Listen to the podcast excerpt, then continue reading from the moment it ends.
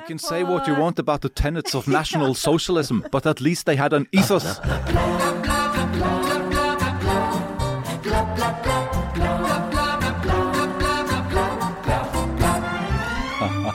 Den der kvinnehelsebotox-fabrikken varte i ca. ei uke før frontkvinnene trakk seg. Hurra, endelig! Ei hel uke mas om kvinnehelse er altfor mye. Dessuten, vi har lærerstreik, vi har litt framsnakking av Moi, og Harald er tilbake fra de døde. Bare fortell oss at verdens start går unna.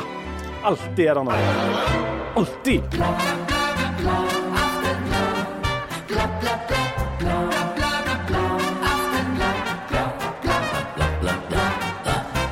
Hjertelig velkommen til Aftenbladet. Vi har med oss da polioredaktør Harald Birkevold. Mannen, hallo. mannen døden ikke kunne holde. Ja. Hvordan er Broke the chains. Nei, jeg, jeg er ikke helt god.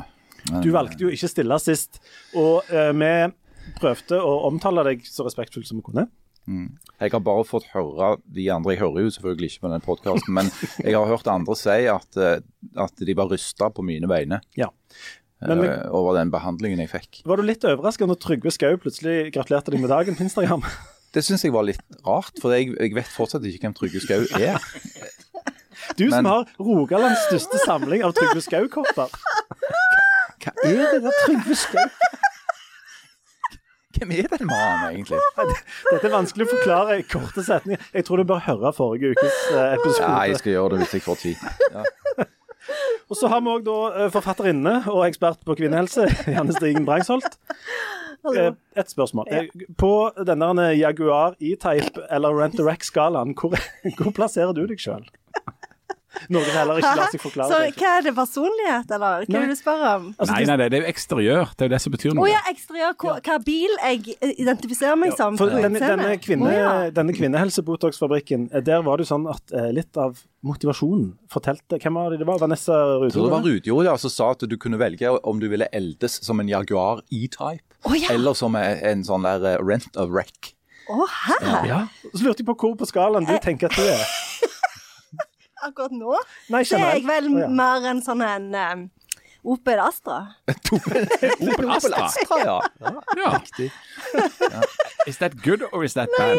altså, Det er jo en solid tysk bil, ja, eh, bygd for, for uh, å vare. og, Ja, men ikke for fart. Men Nei, litt sånn slitt og ikke så fin i lakken, kanskje. nei. Litt sånn matte, hvit lakk, ser jeg for meg. Mm, ja. Mm, Ja. Uansett, ja. Vi har òg med oss Jan Zahl, eh, journalist by day, kvinneekspert by night. Har jeg hørt. Oh, yes. Det har jeg òg hørt om deg, Jan. det, jeg, jeg, ja, jeg har hørt det ofte, for å si det sånn. Uh, mange ganger har jeg hørt lyder Nei, Nei, nei, eh, nei, vi kan ikke gå der. Du, et, et, et, litt slitt. ikke sant? Ja, jeg òg, faktisk. Ja. Jeg, jeg tror vi bare stopper der. Men du, Janne men, men så er vi Leif Tore Linde. Ja. Ut på utsida, en mann inni seg full i kvinnehelse. Jeg, har, ja, ikke sant?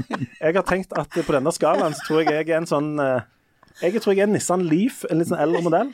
Ja. Så litt sånn kort rekkevidde. Ja, for det, for det går litt ned Ja, med ja. Og ikke veldig attraktive på bruktmarkedet, eller noe sånt i den gang. Men du, jeg eh, må spørre deg gjerne om en ting til før vi skal altså, dundre løs på kvinnehelsefabrikken og Botoxen din. Eh, Jeg ser at du er oppført som en slags sentral midtbanespiller på en fotballkamp under Kapittelfestivalen. Oi, har de satt opp hvor jeg skal spille på banen? Ja, du sto bare, sånn, I lagoppstillingen så sto du nevnt. Du skal jo være sånn midtbaneanker. Jeg tenkte kanskje tenker jeg. forsvar, jeg. Og ja, Forsvarsklippen. Ja. Eh, Stig Drangsholt. Ja. Ca. 1,20 høy. Bare hoppa litt grann, eh, høyt, så er du over og forbi. Men du skal, altså, du skal være med på dette, Jeg har veldig lavt tyngdepunkt. Ja, du har det. I know. Så det er god balanse. ja, så det at ingen Ingen skal prøve seg å score på meg. Du kombinerer Det- lavt tyngdepunkt og høy smerteterskel og Ja. bare satser på at det går bra. Det stemmer. Men denne kampen er altså en kamp mellom Kapittelfestivalen, altså litteratur- og ytringsfrihetsfestivalen, de har ett lag, og så stiller da Pelikanen eh, forlag med ett lag. Og dette høres jo ut som den lameste fotballkampen som noen gang er spilt i verden.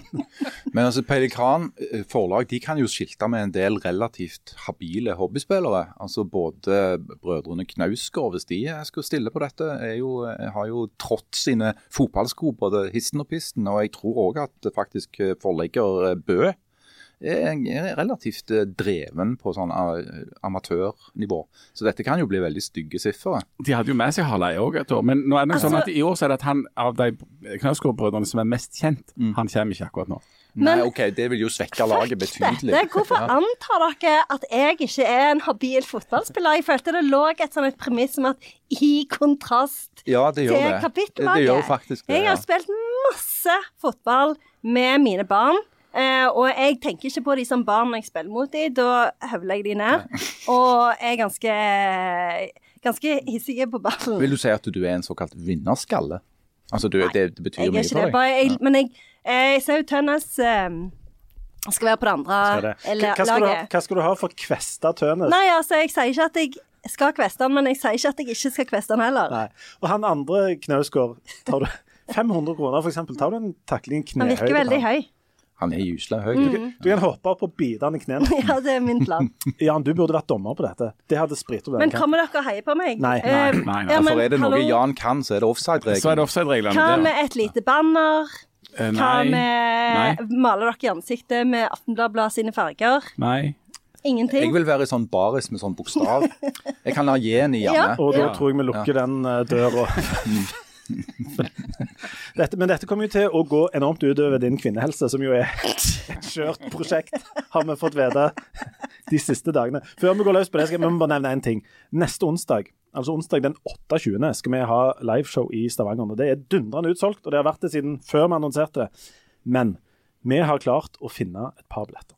Og de skal vi dele ut til eh, de aller beste av lytterne våre. Eh, og det gjør vi sånn at eh, det er bare å sende en e-post på adressen bla bla i ett ord. Eh, bla bla at aftenblad.no. Og den som argumenterer Her er det argumentets eh, kraft vi satser på. Den som argumenterer best, den får disse billettene. Eh, så det er bare rett og slett å argumentere seg fram i køen på bladblad at aftenblad.no. Og der har du fram til søndag den 20. Hva blir det? 25. eller noe sånt?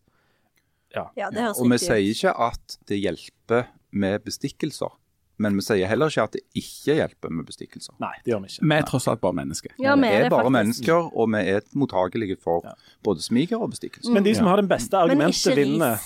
Nei, ikke ris. Bare Ikke ha ris, kun ros.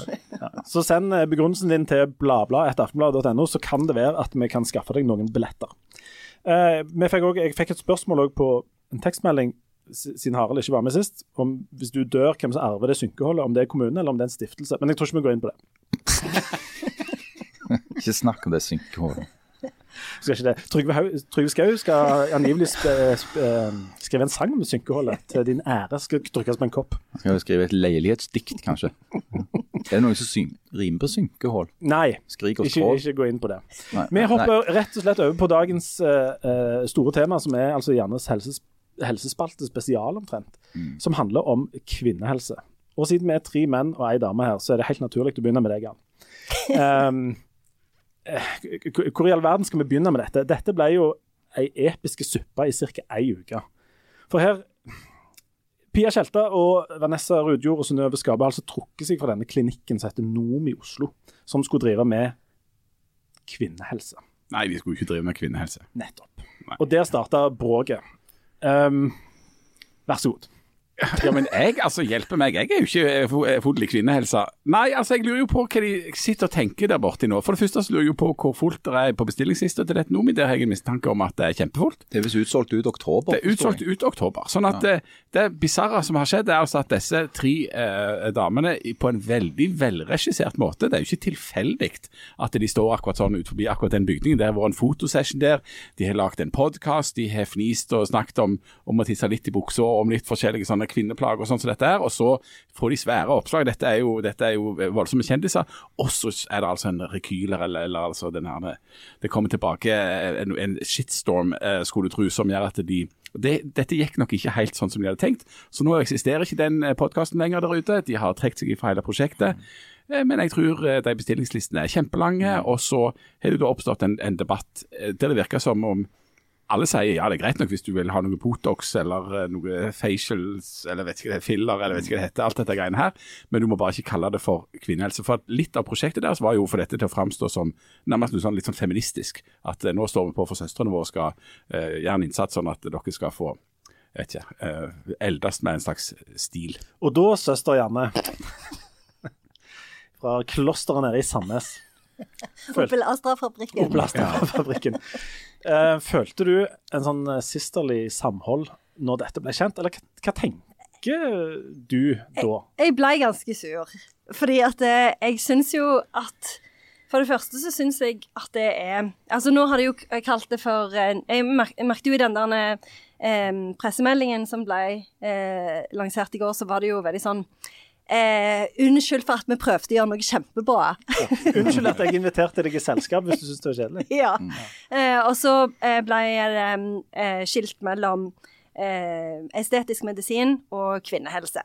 Og selvsagt så var det jo estetisk medisin de mente, det var jo ikke kvinnehelse. Men estetisk medisin det er bare et forkludring av plastikkirurgi, Ja, sant? ja. Skjønnhetsoperasjon Skjønnhetsoperasjon, Ja. er det det betyr? og sånt. Ja. Og så var jeg jo inne på den her Nomi-sida. Og så var det å bestille time. ja, det var jo helt umulig. Utrolig irriterende. Eh, Men det er jo eh, Jeg skjønner jo eh, at eh, eh, Jeg syns jo det er provoserende at de kalte det for kvinnehelse, men nå syns jeg jo at det virker som hele eh, debatten har blitt en sånn- slags sånn eh, øvelse i sånn semiotikk. At de blir sånn Ja, å, jeg beklager, vi kalte det kvinnehelse, liksom. At det er det debatten går på. Eh, og sånn som du sier, Jan, at ja, det er helt greit å ta Botox og fillers og sånn.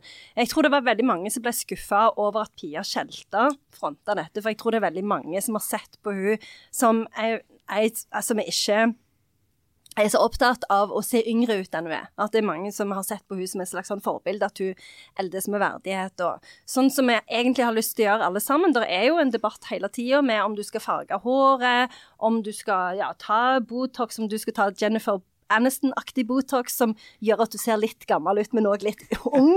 Eller om du skal liksom gå for sånn Dolly Parton-Botox som gjør at du ser helt galen ut.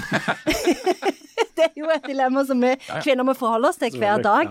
Eh, og så er det jo dette her med at liksom den der Alle vet jo at den sosiale statusen til kvinner blir mindre og mindre etter hvert som vi blir eldre og eldre. Eh, og en kan jo bare altså, I eventyrene så var det jo sånn at du ble mer eller mindre oppfordra til å bare skaffe deg ei hytte i skogen på et tidspunkt og bare holde deg vekke fra allmennheten, sånn du slapp å se på, liksom. Det der groteskeriet. Oh, the good old days. Men en ser jo ennå, hvis en ser på sånn spørreundersøkelser og sånn, særlig i middelhavslandene, så er jo eldre kvinner som kvinner over 60, eller 70 kanskje, er de som har liksom aller minst autoritet i samfunnet. Det er de færrest hører på. Så, så som feminist så tenker jeg at det, det er synd at en fremdeles legger så mye vekt på at kvinner skal se unge ut, og at en ikke heller bare prøver å jobbe litt med den opplasteren en har. Eh, og tenke at eh, vi er mennesker alle sammen, og la oss eldes med verdighet, eh, hele gjengen.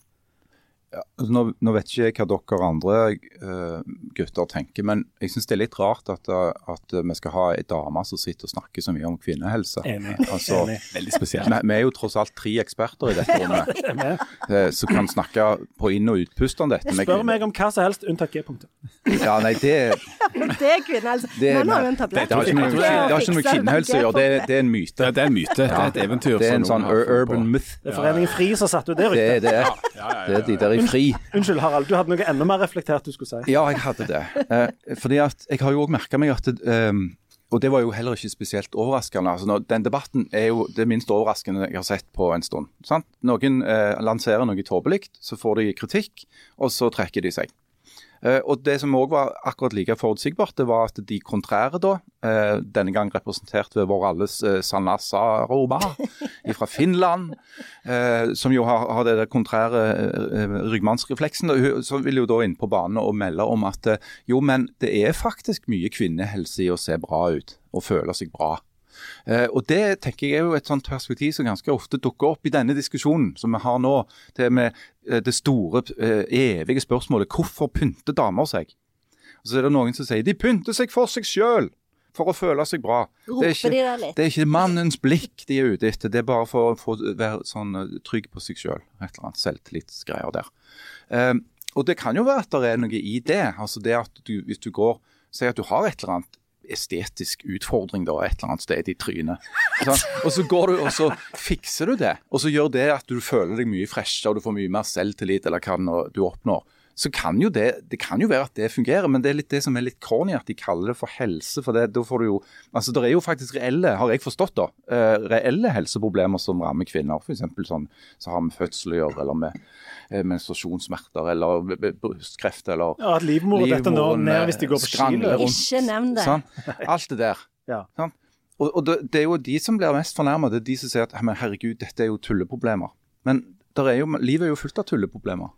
Men jeg, altså dette er jo et av de store spørsmålene, eller mysteriene for meg når det gjelder damer. For jeg, jeg har jo en følelse av at, at dette, denne opptattheten av, av utseende handler vel så mye om når de selv skal se seg i speilet, og om andre damer. At de pynter seg ikke nødvendigvis for mannen som går rundt der og, og subber i joggebuksa. At det er liksom sånn, «Å, nå må jeg se, I dag skal jeg virkelig se fresh ut for, for han som har holdt ut med meg i 25 år. Det er liksom ikke det som er greia. Men hva, men hva er det for noe? Altså, jeg, jeg, og, og det er aldri Jeg treffer veldig, veldig få menn eh, som vurderer å ta Botox eller fillers eller fikse gjennom estetisk kirurgi på noen ting som helst. Vet du hva jeg Så hvorfor i all verden vil så ma mange damer det som er Janne, du er ekspert på det? Nei, men jeg syns det er litt dumt hvis det er Janne som skal få lov å snakke om dette. Med, med sånn kvinnespørsmål og sånn. Du Janne, Det- kan egentlig gå. Vi Ja. er ferdig med dine innspill. det blir jo egentlig litt Nei, men altså, Vi har jo en egen spalte i denne postkassen som heter Jannes helsespalte. og Dette er, må jo være gefundenes fressen, for det, her har du jo så mye du kan, kan kaste fram.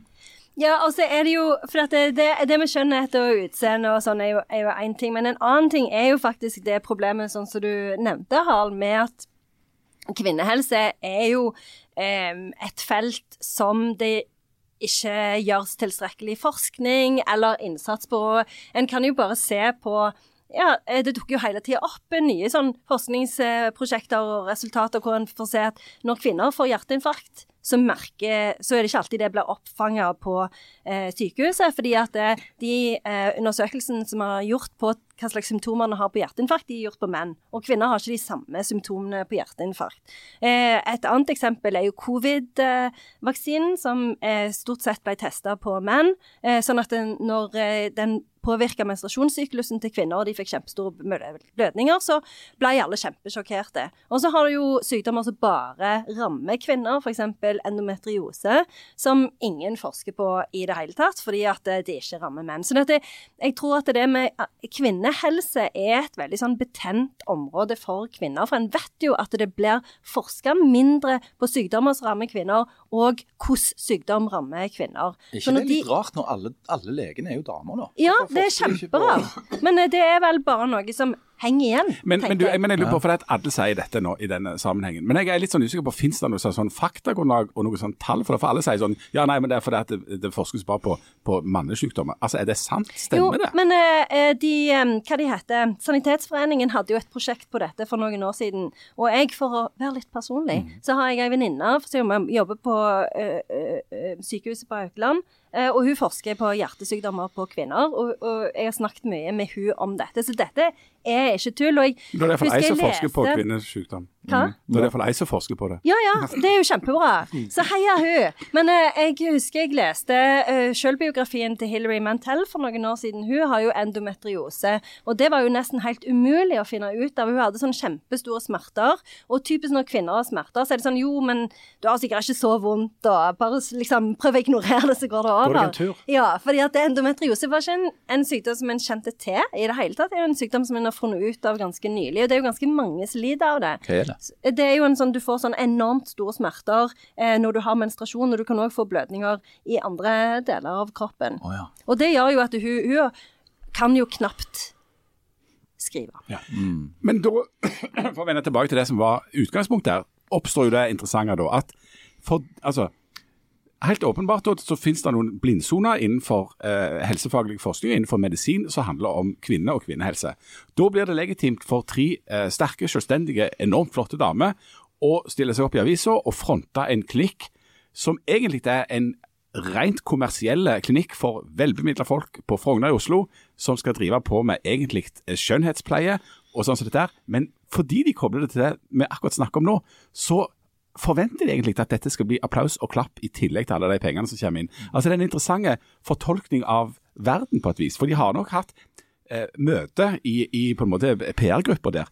Eh, disse mennene som, også står bak dette, eller som står bak eh, mye av dette, som eier det, eh, er jo kjent fra media og kan media. Eh, Jonas Forsang, som er gift med Vanessa Rudjord. Eh, Magnus Rønningen, som har eh, jobbet i Dagbladet og i eh, Strawberry Publishing og Peter Stordalen og alt det der. Eh, de vet jo hvordan media virker, men de vet òg disse damene. Og Det er også interessant. Ja, men å starte med det før, først, altså. Hvordan et feministisk tankegods og, og, det å stå opp for sine medsøstre blir brukt som en sånn kommersiell pitch for å fikse på utseendet. Ja, jeg syns det er kjempeinteressant. Og jeg syns òg for det er veldig interessant med måten dette har blitt pitcha på, og hvordan det har både Hvordan det har liksom crash and burned helt sånn umiddelbart. Det var liksom hva, Hvor lenge hadde det gått ligget ute? I fem minutter før bare Twitter ble sånn overflomma. Eh, og så syns jeg, for det var veldig sånn Måten det ble presentert på på Instagram, var jo sånn med høye skuldre og liksom litt sånn stress, og har vi leid det fineste lokalet på Frogner? Så det hørtes jo ut Når jeg leste det først så, på Instagram, så var jeg sånn Å ja, kult, liksom. Eh, starte sin egen bedrift. Gründermentalitet, eh, veldig bra. Og så skjønte jeg hva, hva det var, og så ble jeg veldig skuffa og veldig lei meg. Og så tenkte sånn, dette kommer jo ikke til å stå uimotsagt, og alle kommer bare til å heie det fram. Og så når det ikke skjedde, så ble jeg veldig overraska. For dette her er jo ikke uh, et marked som Pia Tjelta og, og, eh, disse to andre har uh, plutselig skapt. Dette er jo de, de går jo inn for å kapitalisere på noe som allerede eksisterer, ikke sant? Og så gjør de den kardinalsynden det er å si at dette, altså prøve å gjøre det til et helseprosjekt. Og Der bryter de jo sammen. Og, og nå er det masse kritikk, og mange som sier at ja, ah, dette ble en kommunikasjonsfeil. sant? Ja, og så ender det opp med at det var dårlig kommunisert. Mm. Og, det, og, det, kan godt være at det stemmer, men eh, i det der røret med at dette handler om kommunikasjon og valg av ett ord, så forsvinner jo all den kritikken mot at dette faktisk finnes og faktisk er greie, og faktisk er et stort marked. Når du så hvor mye penger disse skulle putte opp i dette, så forteller jo det noe om hvor enormt mange det er som faktisk bruker disse her eh, biloppretningsfabrikkene for damer, da, der det skal sprøytes og tømmes og liksom ommøbleres og sånn. Så, men, men hva, hva for en feil er det egentlig disse tre har gjort? Handler det bare om at de brukte det ene ordet, eller det, bør de få kjeft for å hive seg inn i dette markedet her? Jeg tror at de hadde kommet mye bedre ut av det hvis de bare hadde starta en skjønnhetssalong. Mm. Så hadde de fått litt kritikk for det, og så hadde den gått over, og så hadde de hatt en skjønnhetssalong. Eh, så, så, kardinalfeilen var jo det der eh, å vase seg inn i en argumentasjonsrekke om at dette dreide seg om, om helse. Eh, men så er det jo sånn, du kan jo nesten bli litt sånn konspiranoiske av sånne saker. Altså, gitt det som Jan sier, det er drevne folk. Eh, disse tre kvinnene er jo ekstremt medievante. Eh, de som står bak de er òg. Eh, kan hele greiene ha vært planlagt? kan du tenke. Altså, Var dette egentlig bare et PR-stunt for å skaffe oppmerksomhet rundt den klinikken, og at de, de, hadde allerede regnet med at det kunne gå den veien? Hva altså, vet jeg? Fra start til ja. crash and burn, liksom? Ja. altså, Det, er ikke, det høres litt far-fetched ut, det hører jeg òg når jeg sier det, men, men det er jo ingenting som overrasker meg. når det han, gjelder sånn. Han legen ja. setter Karim Sayed, som nå skal drive dette videre. Mm.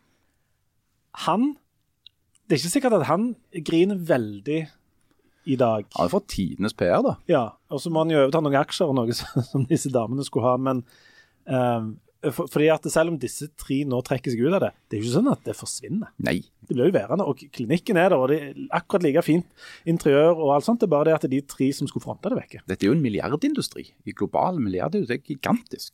Det er jo bare å gå og se i skapet til ei hver dame er voksen, altså i kjøkken Nei, i kjøkken. Ja. I, i, altså, i, ba, ba, ba, på kjøkkenet. Ja, ja, har hun sjøl ute på kjøkkenet? Fordi der er du så mye, uansett. Det er. Ja, det er masse sånn som jeg lager mat av. Da. Men, men hvis du ser på, på badet i, til ei vanlig eh, norsk dame, så vil du se så mange tuber og kremer eh, for de underligste ting som, som, som, sier noe om, om hva slags marked det er. Og det er stort, det er stort sett vann eh, som de har klart å få til å bli litt stivt, så du kan smøre på dem. Men, det stemmer ikke helt, men eh. ja, men, men, men, men, du, en, annet, en, en, annen ting. En annen reaksjon jeg så på dette her som jeg syns var interessant, det var at en del eh, damer på Facebook mente at en burde gå mye mer etter disse mennene. Nærmest framstilte det nærmest som om disse tre enormt sterke, oppegående, eh, flotte damene var noen slags form for sånn nikkedokke som nå hadde blitt manipulert av disse mennene, at dette egentlig var de mennene sin feil.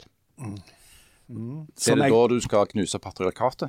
Nei, men eh, det, det har jo noe med eh, det kapitalistiske systemet å gjøre. Det er jo der vi bør Jeg gå. elsker fordi- kapitalisme. Ja, jeg vet det jo det. Men jeg bare Jeg, jeg tenker jo at det, det er jo Det er jo Altså eh, Likestilling, eller manglende likestilling, er jo eh, Eller liksom, gjerne ikke likestilling engang, men det der skjønnhetstyranniet, da, hvis vi skal kalle det det, som kvinner eh, forholder seg til, det er jo et strukturelt problem. Det har jo ikke noe med liksom, at det er menn som liksom utnytter kvinner, eller kvinner som utnytter kvinner. Det er jo fordi at vi aksepterer at det er sånn, at vi aksepterer at eh, kvinner føler et sånn indre press til å farge håret når det begynner å bli grått, eller eh, kjøpe kremer, eller eh, ta operasjoner. Og det som er problemet, som vi jo har snakket om i denne podkasten før, det er jo at du har 17-åringer.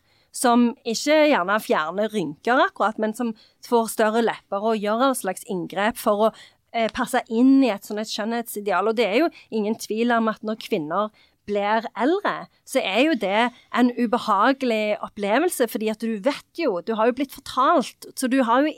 Eller du har jo integrert dette bildet av hvordan du skal se ut, og da er det ubehagelig å kjenne at det, liksom, det begynner å henge her og der, og, og du kan se at du begynner å bli eldre. Sånn som eksempel Joan Didion, som jo kanskje Om du dikter opp navnet John Didion. Hun er jo eh, den største essayisten i amerikansk litteraturhistorie. Å oh, ja, hun Ja.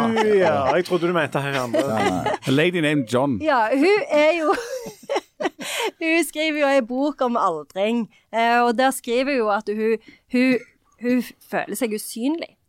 Ingen legger merke til henne. Kvinner blir jo eh, eh, i stor grad eh, verdsatt og definert pga. utseendet sitt. Eh, og jeg, jeg regner meg jo sjøl som feminist, men jeg driver jo og pynter meg hele tida.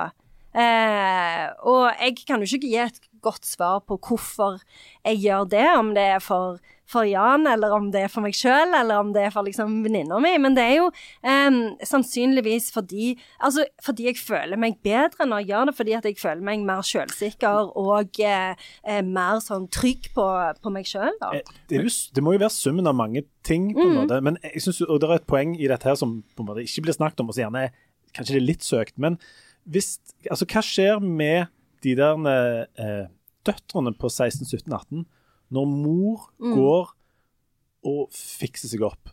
Um, det, det er en sånn ting som slår meg, sikkert fordi jeg har en datter på den alderen, da. Men um, jeg, jeg, jeg tror det er, vans altså det er vanskelig for de 17-åringene med denne normaliseringen via liksom foreldrene sine. Uh, jeg tror ikke jeg Jeg ville ikke vært i Jeg er veldig glad at jeg ikke er dame da, på sånn generelt grunnlag, bl.a. fordi at da kan jeg jo drive med idrett uten at livmora faller ned og sånne ting. Men eh, være med i den der karusellen Sier du er 17 år, jente, og har Kim Kardashian som din fremste kilde til nyheter om samfunn og debatt, som det er noen som har. Eller du er f.eks. jente i den meksikanske overklassen, hvor det er helt vanlig å få en valgfri operasjon til konfirmasjonen.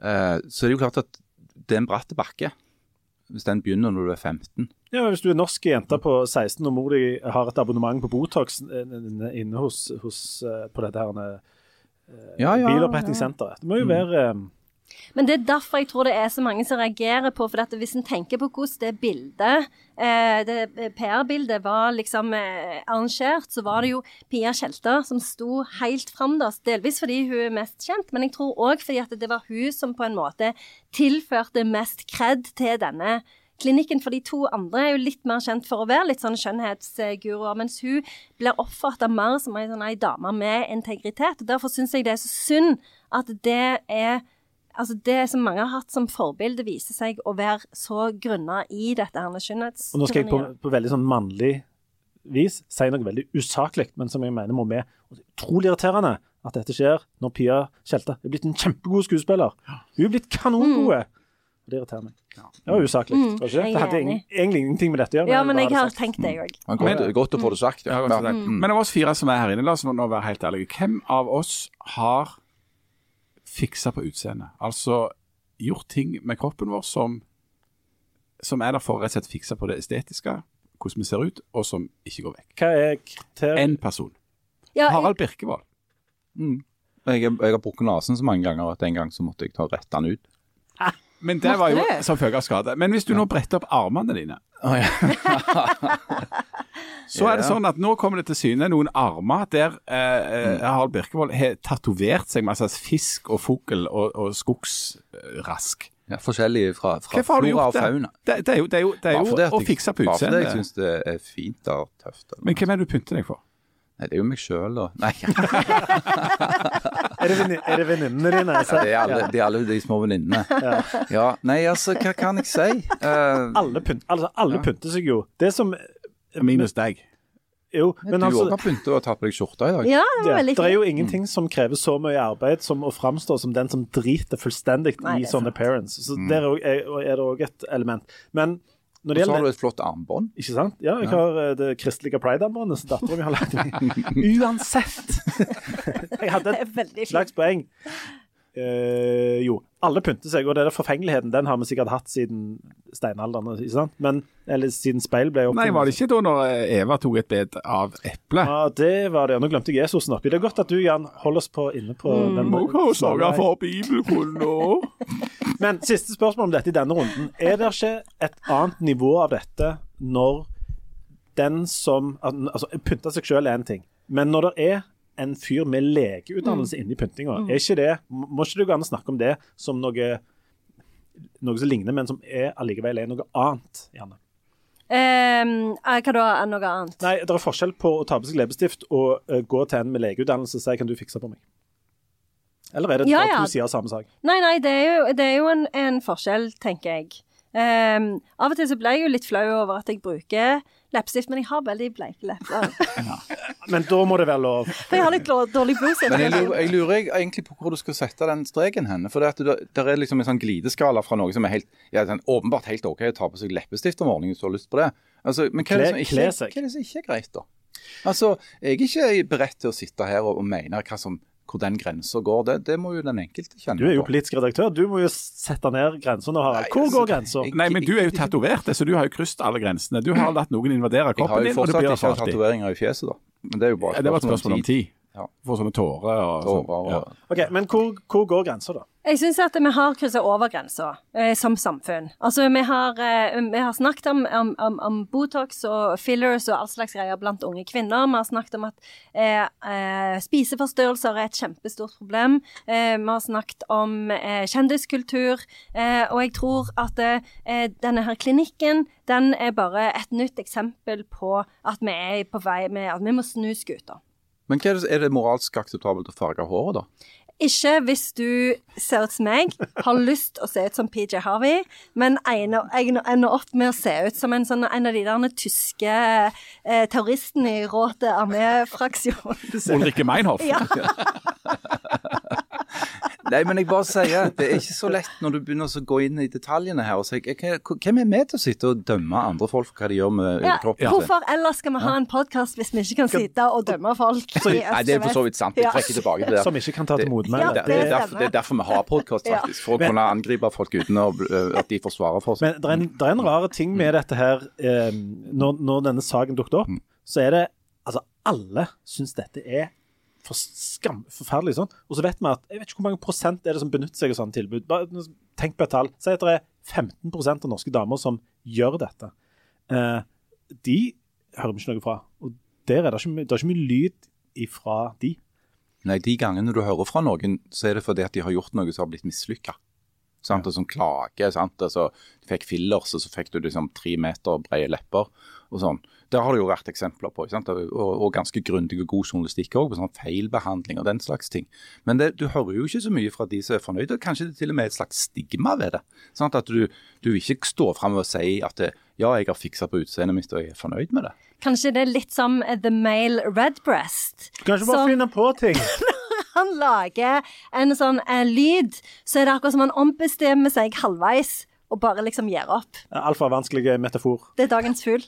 Det er, som, det er en, en klassiske norske sånn medielogikk-greie, dette her. Noen går ut, sier noe, og så sier de et feil ord, og så hopper alle kollektivt på i moralsk indignasjon i hele det norske kommentariatet. Alle de 60 eller 80 eller 100 som er på Twitter og holder på. Og så er alle hjertelig enige. Det er ingen som går ut og forsvarer disse damene. Ingen som går ut og forsvarer eh, den der klinikken. Jo, Sanna Eh, Sarolma. Sanna sa ja, hun har gjort det, ja. ja hun er motstrøms. Og det er jo en venn du vil ha. Ja, det er jo en venn du vil ha, sant? Men alle er rørende enige, og så, og så føler en at nå har han virkelig fått satt skapet på plass, for nå har de trukket det. Og så er realiteten sannsynligvis at det, det, den uh, tause majoritet sitter rundt omkring og tenker hm, kanskje jeg skulle ha fiksa litt på Ja, og så føler jeg òg at det var en veldig norsk unnskyldning som kom i ettertid, som var 'jeg beklager til alle som føler seg støtt'. Det er jo akkurat som alle sitter rundt og sier at ja, vi må gjøre noe med det der klimaet. Men det betyr jo ikke at vi må gi opp og dra til Syden. Altså, Og- det, det, det, det blir for mye. Det Min- stemmer. Ja. Min planlagte hot take til seinere oh. er nemlig, og det kan bare få ut av alle bare kan si ja, og det er at hvis, um, hvis folk fikk tilbud om å fikse på utseendet sitt uten at det var mulig å merke det, uten at de måtte betale for det, uten at noen visste det, så ville ni av ti sagt ja. Unnskyld meg, men hva er vitsen med endre på utseendet sitt hvis ingen merker det? Nei, altså hvis bare folk ser at du er vakrere, men ikke kan se at du har skåra deg nesen altså, sånn Si at du du hadde kommet og hadde du plutselig vært helt sånn sinnssykt deilig, Ja. og så skulle vi liksom bare latt som ingenting? Ja, nemlig. nemlig. ja, jeg skjønner. Mm, alle hadde sagt ja. Du, Vi må ta en liten pause, og når vi kommer, til, kommer tilbake, så skal vi jo eh, komme oss inn på et litt mye bedre spor, nemlig snakke om menn igjen. Ja, er det mann, mannens overgangsalder? Det er manns overgangsalder. Yes! For har vi fått eh, info fra veldig godt Jeg, hold, vet jeg jeg. håper det. Ja, det. Åh, Så vi er snart tilbake.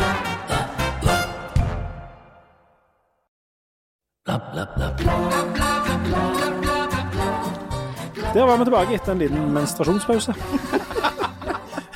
Eller kan det ha vært menopausen? Det kan det være. jeg måtte i hvert fall dytte livmora litt på plass det igjen.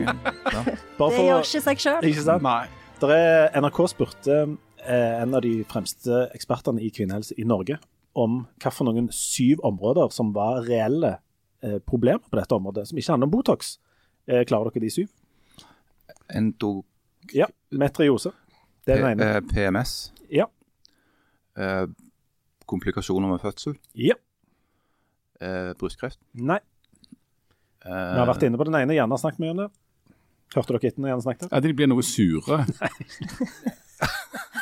Det er hjertesykdom. Ja, hjertesykdom. Ja. Svangerskapsforgiftning, som er eh, Veldig alvorlig. veldig Ja. alvorlig for mange. Ja. Og så er det den siste, og det er tidlig overgangsalder. Altså for Ja, for overgangsalder som kommer Ja. veldig tidlig for mange. Ja. Som òg er et eh, eh, noe som mange visstnok uh, opplever. Og Sist uke så begynte vi å snakke om eh, sant, ikke kvinner, for det var jo ingen opptatt av før uh, Pia Tjelta de begynte med kvinner. Nei, og det var jo ingen som visste at det fantes en kvinnelig overgangsalder engang. Noen visste jo knapt at det fantes kvinner. sant? Men visste jo at det fantes en kvinnelig overgangsalder. Det er jo masse styr om det. Ja. Men den mannlige, den mannlige overgangsalderen snakket vi litt sist, og vi, det ble litt sånn jazzing rundt temaet, for det var ingen av oss som egentlig visste noe. Spør meg hvor mange timer jeg har sovet i natt. Hvor mange timer har du Jan sov i natt? Tre. Herlighet, Jan. Er det sant? Jeg var oppe siden halv fem. Men nå, å nå er jo jeg her òg. Jeg kan mye om dette Du kan det. med mannlig overgangsalder. ja. Kan du mer Jeg tror at jeg har den. Nemlig. Og det skal vi sjekke nå.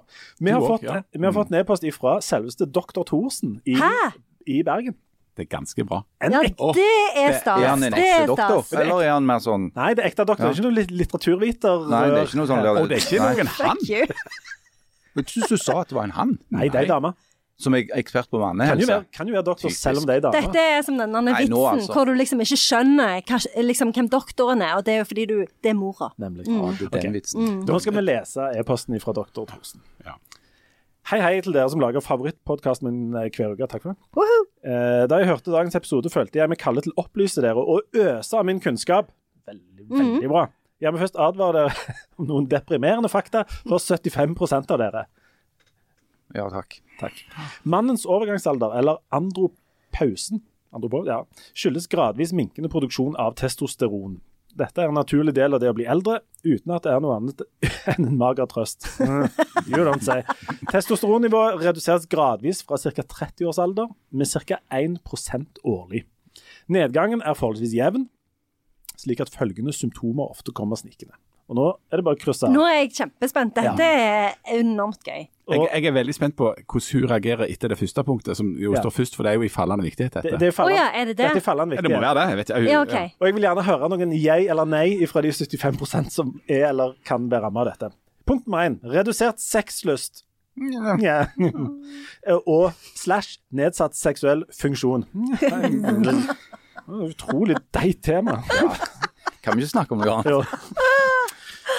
Dette med Ukraina Nei, vi tar OK, punkt nummer to. Humørsvingninger og irritabilitet. Hva mener du med det? Det er det dummeste jeg har hørt! Hold kjeft! Egentlig- Ja, det egentlig- er faktisk et symptom på overtennsomhet. det er egentlig et veldig godt poeng. Ja. Kjempeteit poeng! Tap av hår og muskelmasse. Ingen Nei. tendenser der. Aldri. Aldri, aldri, aldri. Men du hoppet jo over to punkt nå. Unnskyld, jeg gjorde det. Eh, eh, spesialpunkt for Jan her. Søvnvansker, økt tretthet. Oh yeah! Ja, for du, du blir trøtt om Ja, dagen. jeg blir trøtt. Ja. Jeg merker bare at jeg trenger mindre søvn. Er det et symptom? Det er et symptom. Det er et symptom på at du er et overmenneske. Ja, det er det stemmer. Ikke det er det er overgangsmenneske. Ja. Det er en annen. Der må du Overgangsalderen det er til at du blir et overgangsmenneske til at du blir et overmenneske. Ja. Neste punkt. Depresjon, lite energi og dårlig konsentrasjon. Jeg ble så utrolig Nedstemt når jeg hørte det. og, og nedstemt, ja, av å høre på det der. Hørte hva?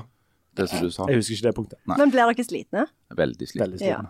Utrolig. Så blir jeg utrolig irritert òg.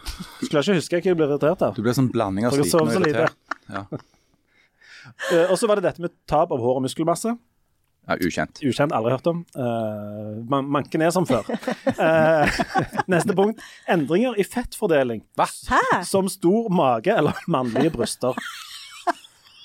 Det er toppstemning. det, er kommer. Ja. Der står du med, med laber sex, eh, lyst og evne, eh, endringer i fettfordelinga di, eh, drita trøtte, kjempetrøtte, irritert og rasende, men det svinger i hytt og vær, og så ramler håret. Nå fikk jeg lyst til å gi dere en klem. Og så finner du ikke BH-en. Nei. Hvor, er. Du, du oppdager plutselig at du har gått opp til D-cup. Ja. Står du der Så leide, ingen BH som passer. står du der leide, men husker ikke hva du leide etter. Men Konsentrasjonen er ut Så blir du rasende. rasende. Så skriver dr. Thorsen noe for enhver smak. Og mye i vente, med andre ord. Det finnes et snev av håp fordi den naturlige testosteron, testosteronproduksjonen kan økes på flere måter. Og her kommer jo det oh, ja. som Og her er vi gode. Ikke si at det svaret er at du skal trene. Da blir jeg sur. Én sunt kosthold. to regelmessig fysisk aktivitet. Og nummer tre lavt alkoholinntak. Oh! Så det er ikke rart du er i overgangsalderen, Harald Birkevold. Andropausen der du sitter. Litt trist. Jeg er så fucka.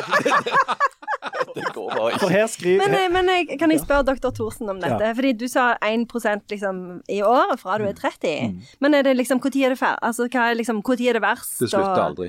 Det slutter aldri. Nei, er det det sånn går bare ned. Nei, men det må være, Hvis det er liksom? 1% i år, så er jo det rent logisk at når du er 130, da, så er det null igjen. Ja, for det er det fram til du dør. Det er ikke noe sånn, for, for kvinner er det vel mer sånn du er ferdig med det på et tidspunkt. Så Da er du gammel, dere- offisielt gammel, liksom. For dere som ikke kan regne, så betyr jo dette at du, er da, du blir dame på et eller annet tidspunkt. Men det, altså, hvis du, du, du minker nok med 1% av det du har igjen, så du vil alltid ha bitte litt Ja, okay. testosteron, men du vil ha ekstremt lite. Så det betyr jo at på et eller annet tidspunkt så vil jo de linjene krysse hverandre. Sant? For hvis vi blir mer og mer damer, mindre og mindre så, så, Mens damene de mister jo østrogen, og da får de relativt sett mer testosteron. Ja, men gjør vi egentlig det? For jeg Jo, trodde la når du meg legg fra ha den teorien OK. okay, okay, ok. Mm. Og så på et eller annet tidspunkt så byttes rollene, da. Rett og slett. Ja. Men for jeg trodde at når kvinner er i overgangsalderen, så trenger kvinner òg litt testosteron. Men jeg trenger østrogen. Ja, jeg vet østrogen, men jeg trodde det var noe sånn testosteron Kan doktor. Thorsen please hjelpe? Ja, om dette. Ja. vi, vi trenger mer informasjon. Ja, vi så vil jeg bare si at dr. Thorsen avslutter eh, e-posten sin med håper dette bidrar til spalten om overgangsalderen falt i smak. Og så er det tre emojier etterpå. Ja det er tre og sånne auberginer. Hæ?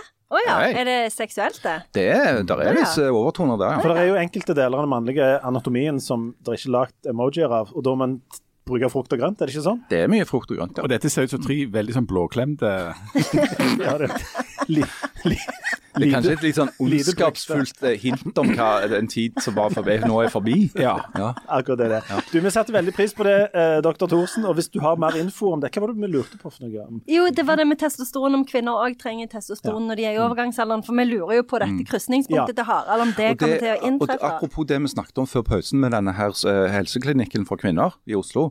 Altså, Jeg har jo, eh, er jo i den alderen, og eh, i de eh, Altså, på, jeg, jeg ble jo bombardert med sånne reklame for produkter som skal kunne hjelpe meg med disse utfordringene som jeg tydeligvis da sliter med når det gjelder min mannlighet og virilitet.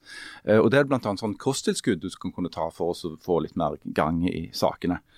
Og Da kunne vi jo spørre dr. Thorsen om, om det funker. Og hvis, de, hvis den teorien deres om at vi krysser det, jeg vil der mye heller bare ta en pille enn å, enn å begynne å trene og, og leve sunt og sånn. Ja, men ifølge Det er jo et av de fremste argumentene til denne her kvinnehelseklinikken, at menn kan bare ta en pille, mens kvinner ikke kan det. Var det Ja, ikke men det, det, var, de sa? men, men det var jo tolka veldig Igjen så, så var det jo noe med rekkefølge på ting. Pillen er jo Viagra. Oh, ja. Som om på en måte Ja, okay. eh, om ståas, eller liksom om, om en ståpikk Ja, ja, er målet på, på, på mannehelse eller ei. Nei, Og det er det- det, bare for å avsløre en hemmelighet, ikke. Nei vel. Nemlig.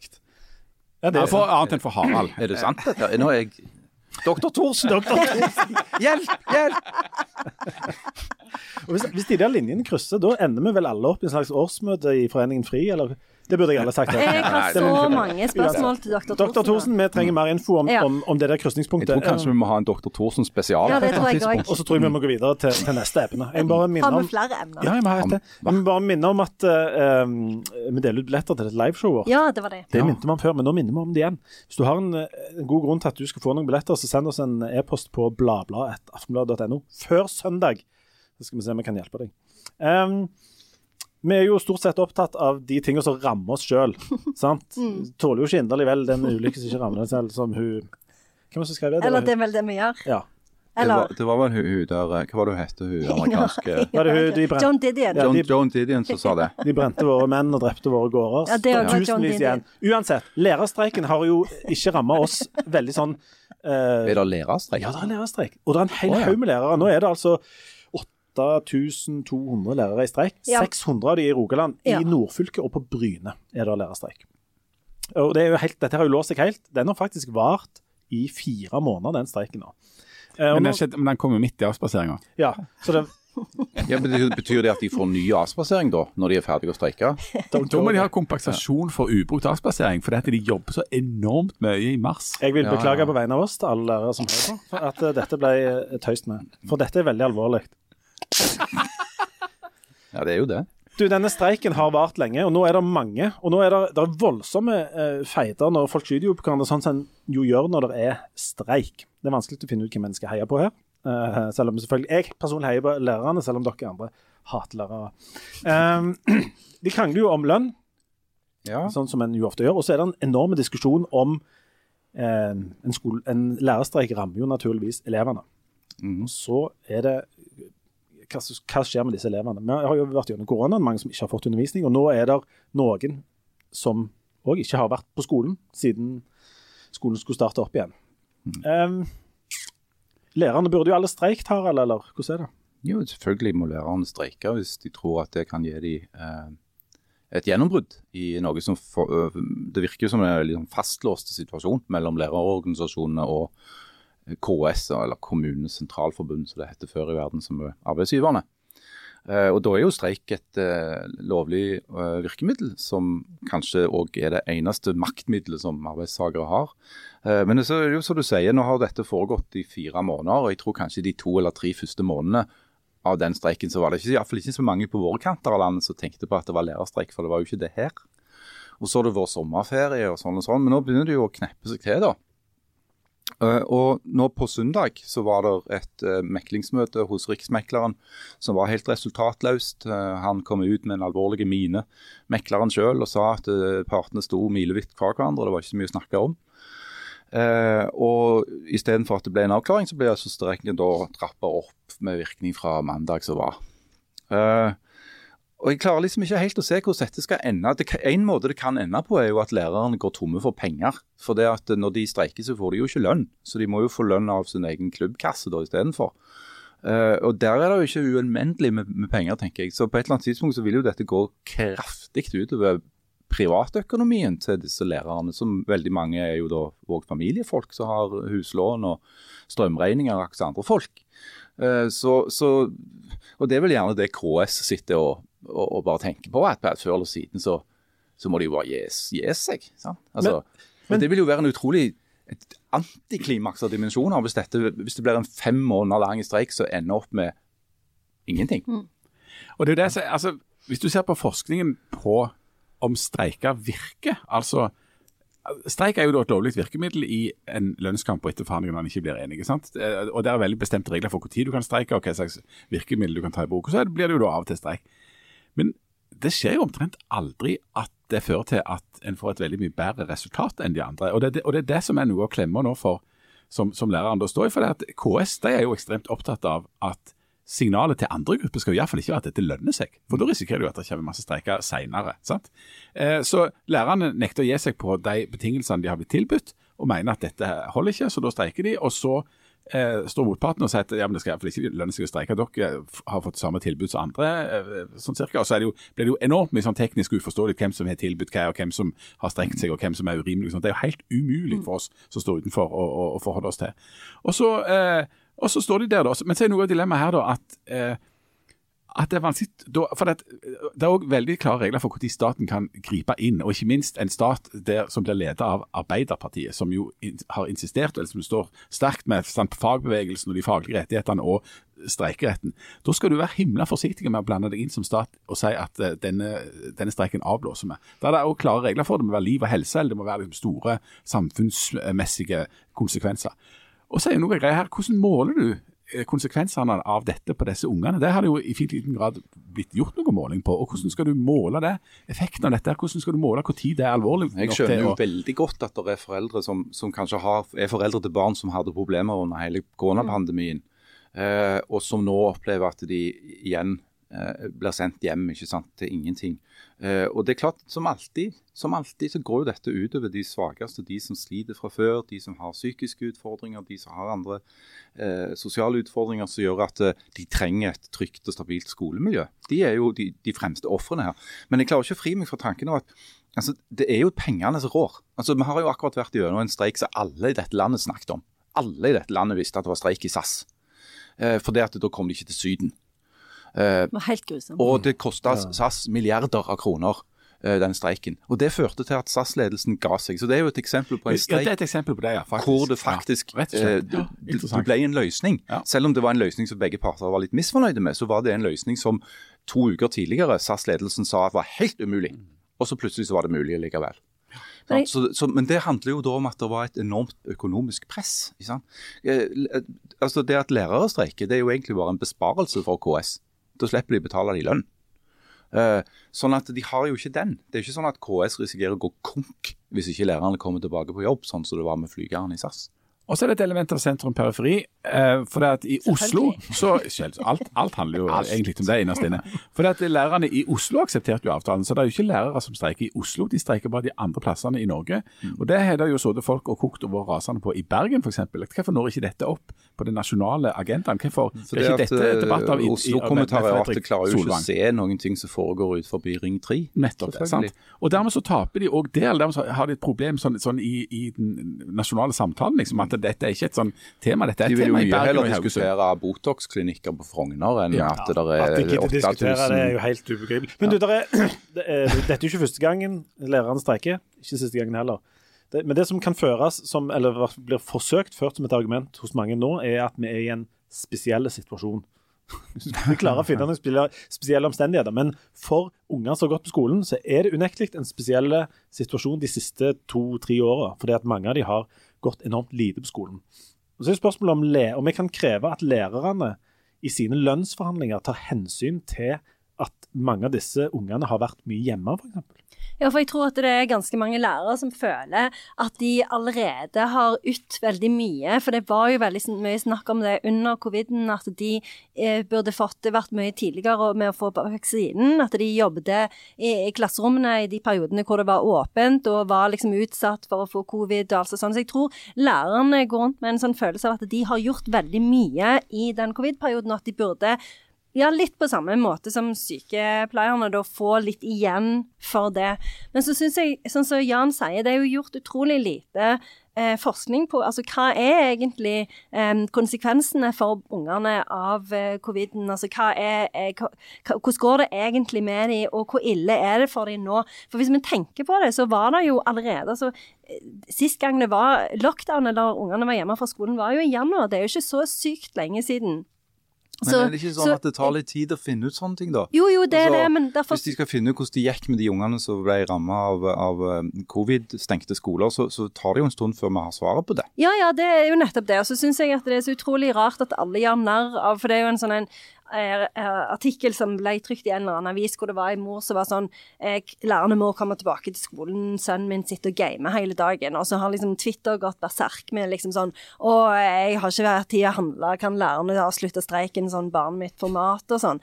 Og det syns jeg er så utrolig usaklig, for det er jammen ikke så lett. Eh, som en forelder som skal på jobb, og liksom Altså, ungene Jeg tenker jo at de Selvfølgelig så trenger jo de eh, en regulert hverdag. Det var jo veldig godt for oss å komme tilbake på jobb, og det er jo like godt for de å komme tilbake og eh, være en del av et sånt sosialt fellesskap. Så jeg syns noen må gjøre noe. Det, enten det er KS eller regjeringen eller lærerne sjøl. Jeg tror vi skal avslutte den med følgende brannfakkel, og det er at vi på det sterkeste appellerer til å komme tilbake til forhandlingsbordet. Ja. Jeg vil si det så sterkt. Jeg vet ikke om dere jeg syns nesten Janne sa det best, at noen må gjøre noe. ja. Og det pleier å være min Altså det, ja, det, sier jeg veldig ofte. Hun etterlyser rett og slett at noen tar grep her. Ja, og Det samme, samme gjelder klimakrisen. Det òg føler jeg at noen bør gjøre noe. Ja. Jeg har hørt at du på dine joggeturer stopper i skogen, og så bare roper det ut. sånn som Jeg gjør det faktisk. Noen må gjøre noe.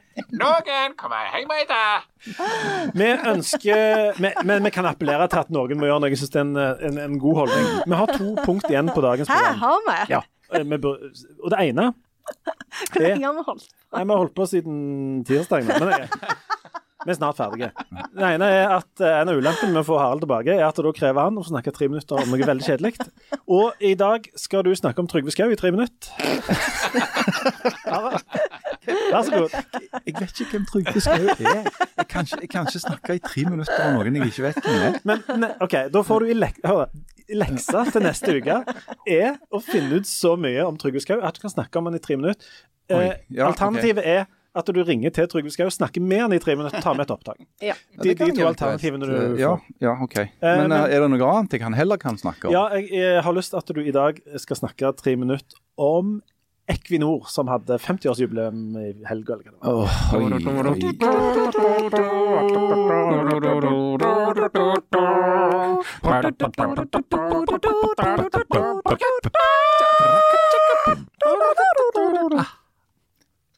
Takk, takk, takk. takk. Altså, OK. Uh, ja, Det står på Trygve Skaukopp, faktisk. takk. Equinor, ja. Statoil, som jeg da uh, stadig vekk uh, kaller det for. både med vilje og litt mer ved en inkurie. De ble, ja, de ble altså etablert i 1972, dette selskapet i Stavanger. Uh, og alle har kanskje forfulgt litt med har fått med seg denne historien om dette lille kontoret på Lagersveien hvor de hadde kontantbeholdningen sin i en gammel eske med sorte mann-sigarer. Uh, og var bare to. Det var Arve Johnsen og ei som ikke hadde noen erfaring som sekretær, som ble ansatt som sekretær. Så begynte det da i det små. Men i dag så vet vi jo alle at Statoil, eh, eller Equinor, som de nå av en eller annen grunn kaller seg, er Norges viktigste og største selskap og et av verdens største oljeproduserende selskaper i det hele tatt. Men altså veien fra den begynnelsen i 1972 og fram til nå er jo på en måte òg fortellingen om det moderne Norge. da. At uh, I 1972 så var norsk industri fortsatt prega av Arbeiderpartiet sin tankegang om industribygging og statlig engasjement. Derfor så ble dette oppretta med det navnet, Statens oljeselskap, Statoil. Eh, og som et resultat av en bevisst industripolitikk. Eh, der eh, regjeringen og toneangivende byråkrater, som var veldig viktige i denne sammenhengen, de gikk sammen om å skape et norsk fagmiljø for olje og gass, for det fantes jo ikke. Når eh, de første oljeressursene ble oppdaga i Nordsjøen i, på slutten av 60-tallet, så var jo det amerikanere som dominerte hele businessen. og De var innleide, eh, og de var utenlandseid. Eh, så den tankegangen om å skaffe kontroll over disse ressursene og etablere det som etter hvert har blitt kalt for den norske modellen, med et stort statlig engasjement, med en gysla høy skatteprosent, og med et tilsyns- og reguleringsregime som skulle gjøre at vi hadde kontroll med dette her. Eh, det begynte da.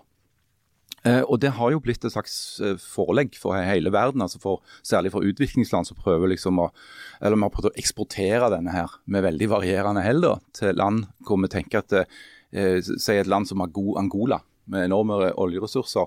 Det, de kunne jo bli, de kunne jo alle blitt relativt velstående hvis de hadde fordelt ressursene sånn som vi har gjort i Norge. Istedenfor så har jo en familie og en liten klikk lite i det landet stukket av med alle pengene. Eh, Statoil er jo, eller Equinor da, er jo det overlegent største selskapet på børsen. De har en enorm politisk tyngde. eh, Og har gjennomgått en slags utvikling i tråd med utviklingen i samfunnet. Eh, En sånn nøkkeldato der var jo 2001, når Statoil ble delprivatisert. Eh, Gikk fra å være 100% statlig eid og så gradvis ned til 67. Eh, gikk på børsen både i Norge og i USA. Eh, og si- siden da, særlig under hans sjefen som heter Helge Lund, satsa voldsomt på å vokse utenfor Norges grenser. Med alle de konsekvensene det hadde. Med oljesand, med voldsomme klimautslipp, med korrupte regimer og ikke minst med veldig store tap. Og I dag så ser du en debatt om en form for sånn tilbaketrekning. Eh, så bølger litt fram og tilbake at Statoil, kanskje Equinor, først og fremst skal konsentrere seg om de norske oljeprovinsene og sørge for å bli en sånn motor i det grønne skiftet. da. Men alle som snakker om det grønne skiftet og Equinor, særlig Equinor sjøl, snakker jo veldig høyt om det. Men i den store sammenhengen så betyr fornybar ingenting. Det er olje og gass de lever av. Vi vil marsjere, bukken ligge nei, snu oss omkring, danse for deg med hopp og sprett og spring. Ønsker deg av hjertet alle gode ting, og si meg så vil du mere. Gratulerer! Var det noen faktaopplysninger du ikke fikk? Fun fact Nei, altså, ja, de er 21 000 ansatte. De har kontorer i 30 land og lager omtrent to millioner fat olje hver dag. Går de i pluss eller minus? De går i noe så aldeles vanvittig med pluss. Ja. Det var vel rundt 200 milliarder dollar nå i andre kvartal. Og så eh, avslutter vi da med eh, noe som er minst like, like viktig, nemlig Moi. Moi, ja. Å ja. Altså, vi, oi, kan, oi, oi, oi. vi kan ha kommet i skade for å gjentatte ganger og med en viss hyppighet Oi, oi, oi. komme med sleivete kommentarer om eh, tettstaden Moi.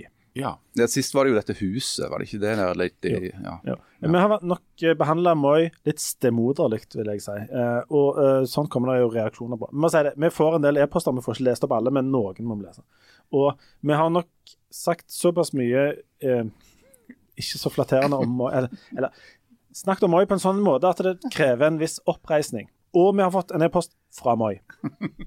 Fra Åse Helland. Som skriver at hun måtte gripe pennen etter denne trakasseringen av Rogalands beste kommunebygd. Og hun, hun aksepterer jo at Moi er et, et sted der er mauren, altså pissemauren, altså rogalendinger, bare kjører forbi på vei til hytta. Men det får være måte på krenking. Så nå skal hun liste opp noen fakta om verdens beste bygd, og vi starter på toppen.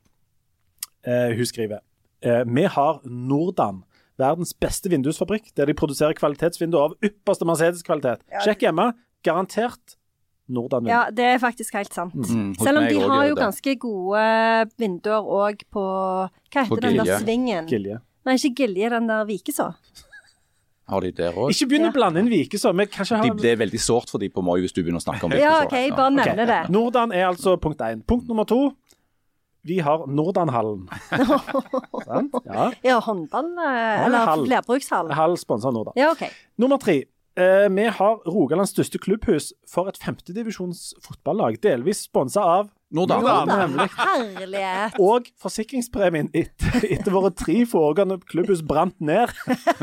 Brannårsaken har aldri blitt oppklart, men det ligger en slags ungdomsskole i nærheten. Og det, klubbhuset er et ynda røykehjørne, skriver hun, uten å ville anklage eller antyde noe. Jeg bare nevner det. Det, det er Nordan ungdomsskole Antakeligvis. ja, som ligger der. Ja. Punkt nummer fire. De har Lundbadet. Ikke alle kommuner har en så flott svømmehall. Gjett hvem som sponser den? Nordan! Nordan, ja. Helt riktig. Skriver i hun i parentes at kommunen nesten havna på Robek-lista etter byggingen av denne. En helt annen sak som ikke snakkes så høyt om. Eh, Det var, det var ikke Nordland sin feil. eh, nummer fem har innsenderen uh, glemt. Nei, det er bare litt rot i, i punktene her. Hun skrøt òg av togtrasé og europavei gjennom bygda. Jeg vet ikke om det er noe å skryte av, men hun mener at det hadde vært Amish-tilstander uten. Neste punkt. De har puben og utestedet Godset, som er et litt sånn dodgy utested, skriver hun. Eh, Men det er smekkfullt og var åpent til hele koronatida. Ja. Det. Det, var, det var jo flott. Ja. Og for å veie opp for dette har de fem menigheter og bedehus i kommunen. Som hun tror er en slags rekord, en plass der det bor 3000. Det er Nordan Maranata.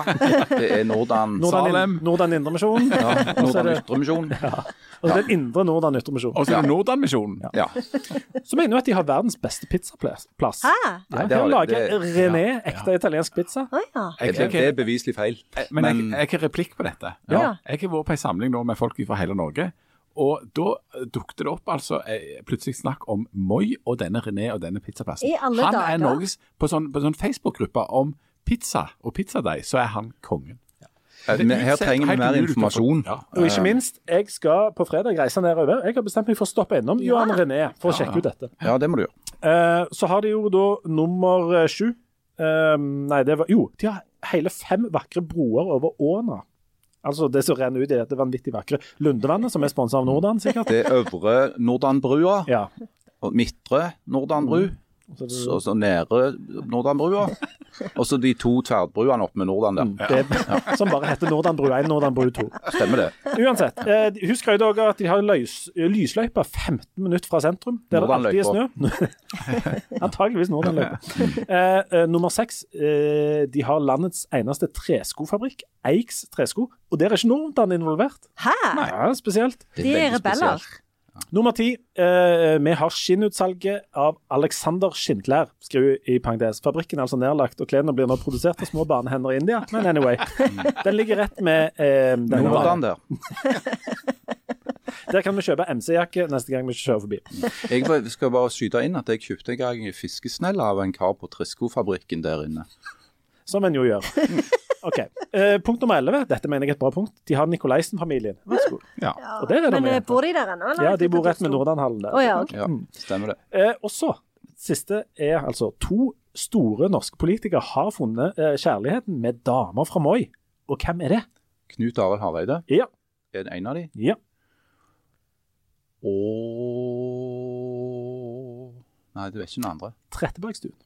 Ai, ai, ai, ai, ai. Oi! Ifølge våre kilder her, så har hun òg funnet dame på Moi. Mm. Spennende. Ja. Eh, og dette må du gjerne si at vi kan tipse Dagbladet om det, men det kommer selvfølgelig ikke til å gjøre. Mm. Eh, men det er altså Moi. Um, så vil du bare unnskylde på hele vegne hele bygda for at de òg har en sånn bjell, sauebjellefabrikk, som jo plager alle skisendinger, alle OL, alle Det er VM. der de kommer Mm. fra. Der de kommer fra. Ja, ja, ja.